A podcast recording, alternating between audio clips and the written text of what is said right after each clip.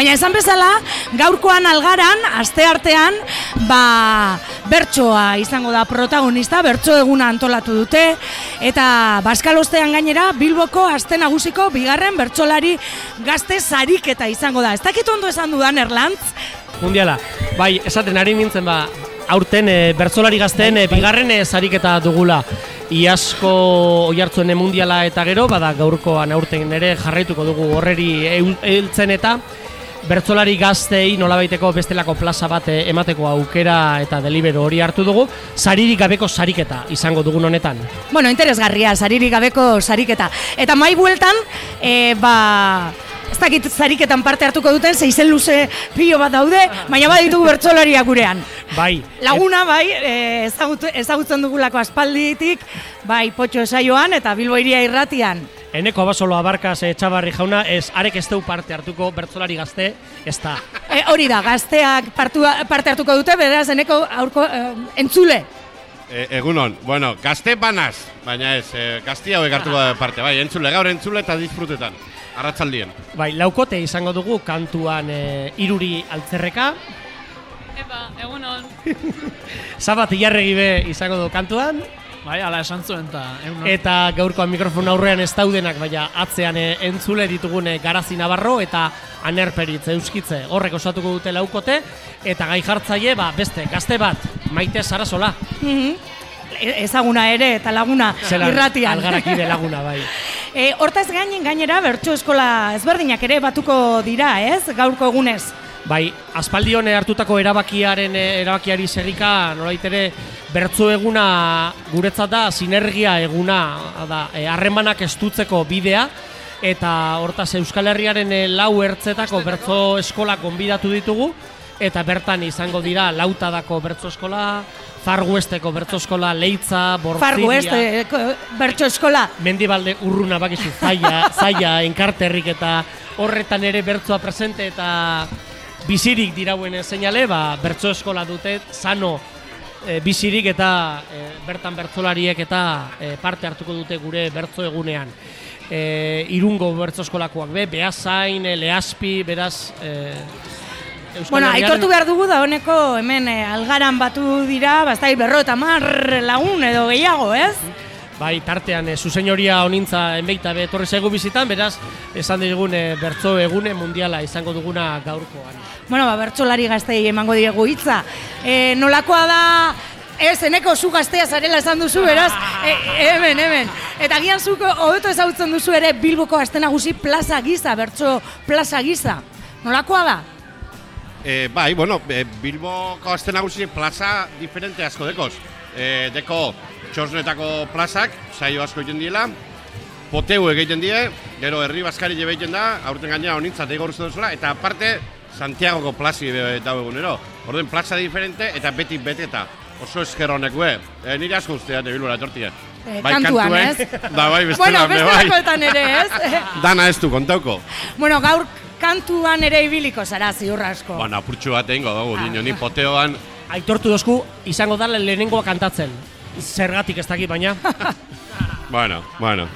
Zaiateko naz, ez dakit. Bai. Eta, A ber, erlantzek aginduko dau.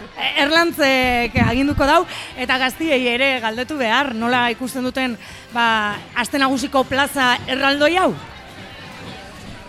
Iruri, zeu hasita? Bueno, bai. Eh... Urbildu asko, ez? Ez asko daukau ogia egiten ari dira eta. Vale, vale. Eh, ba, bueno, ba, pizkat bertigo emoten dago, ez? Hainbeste jente gaz eta, baina eskartu egin dabe bai plaza bat eukitie gazti ondako, eta, ba, bueno, ba, disfrutatzera lan egin. Bueno, nik uste aukera bezala hartu behar dela, hortako iken den zerbait delako, eta aukera bezala hartuta eta festa giroan sartu ezkeo plaza polit bat, eta edo zeinek entzulek eta bertxolarik osatzeko toki bat. Erritik irira, etorrita gainera, Bai, gutxitan ikeu salto eta... Baina, bueno, etortzen galen moldatzen ga, eh? Bueltatzeko baina bintzat bai. Zaririk gabeko zariketa.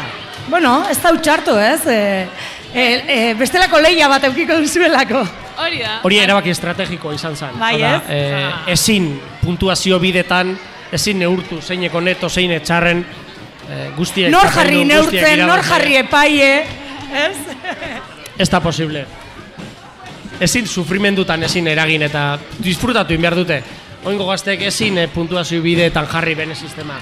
Baskal ostean izango da, sariketa baina lehenik ere badituzue bestelakoak egiterik, ez?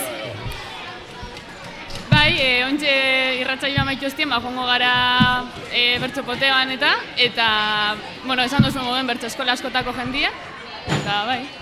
Bai, Gero ongi bazkaldu eta lasai, presai gabe, Bilbo nala omen da, lasai bazkaldu, presai gabe, eta bueno, gu egokitu beharko ga giro horta, eta gero ingo du alduna. Bai, Beste leku batzuetan harin baskalotzen da, ala, edo goiz esango genuke. Ez dakit, nik entzun dut hemen bintzat lasai, presai gabe. Hala entzun dut, ez dakit ala den. Bueno, gero, datorren urtean bueltan bazatoz, ez, esplikatu beharko diguzu hori. Orduan, goizan joango gara orain e, txosnetara, bertso poteo izango dugu, trikiarekin batera, Roberto Etxebarria eta bertso be- bere trikiti eskolako egen e, musikarekin lagunduta. Eta arratzaldean, e, sariketa eta geroan ere, bertso triki poteo izango dugu, baina txosnetan beharrean zazpikaleetan e, murgituko gara. Bestelako sistema, ea, etxe Baina galtzen ostean, beraz, egun osoan bertzotan ibiliko zarieneko. Horretarako bertso eguna. Egun osoan saiatuko gara bertzutan egiten. Saiatu. Diferentea da, bai. bueno, ordu barik, Bilbora etorrite, eh, hasite amaitu hartien. Gauzek lasai. Hori lasai, lasai, lasai. Bueno, eta txosnetara joan aurretik, irukote, eskatuko dizuegu bertsoa. Kantuan egitea, eneko irratirako egin beharko duzu ere, sentitzen Bat- dut. Bat bateko kontuak eta badira, eneko nagusi esan da zu hasita, ez da? Gazte veteranua izan da, Bilboko jaiei algarari, bertso egunari, nahi duzun doinu eta ho eta basturte algarak eh, hor badituzu Biba Festa, Biba Peiot. Zarat asko dago konzentratzeko, bai? baina saiatuko gara. Aupa adiskide denok, kuadrilla eta laguna, Bilbo iria irratia, da gaur gudeitu diguna. Horrexegatik bersolariok argi dugu erantzuna, ea iristen den lizentzia lortzen duzuen eguna. Biba! Sabat, Etorri gara ta honek jada ederra du pinta Naiz eta oraindik gauden aulki batean jarrita. Bersoa bai baina festa ere bai.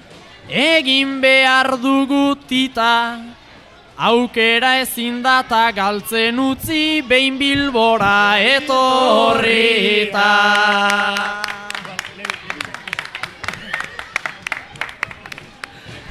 iruri, Mezu bat botako dugu orainu inen atzera. Bertso eguna data gaur gaude guztiok batera. Ta txosnan zehar ibiliko ga aurrera Eta planik ba ez baduzue animatu etortzera. bueno, eta hau zizkamizka gehiago nahi duenak, baki algarako bizikleta jarraiki eta Roberto Etxeberriaren triki doinuak entzun, han egi izango gara kantuan. Eta bestela, Baskarira hurbildu, lasai baskaldu, prisabarik, eta ondoren izango da bigarren sariketa hori. Hori ze, akorduan izan, bertzolari gazten eh, bigarren sariketa honetan, Garazi Navarro gure jotaren, alaba? Ah, begira. Ai, Aner Peritze Euskitze, Xabat Ilarregi eta Iruri Altzerreka, por cierto, Iruri Altzerreka, Usune Martinezen, alaba. Aur dana etzean geratuko da gaur. Gai jartzaile, maite, Sarasola izango dugu. Eta antolatzaile, potxo irratzaioa. Bilbo eri erratia. Biba guek. Eskerrik asko lagunak.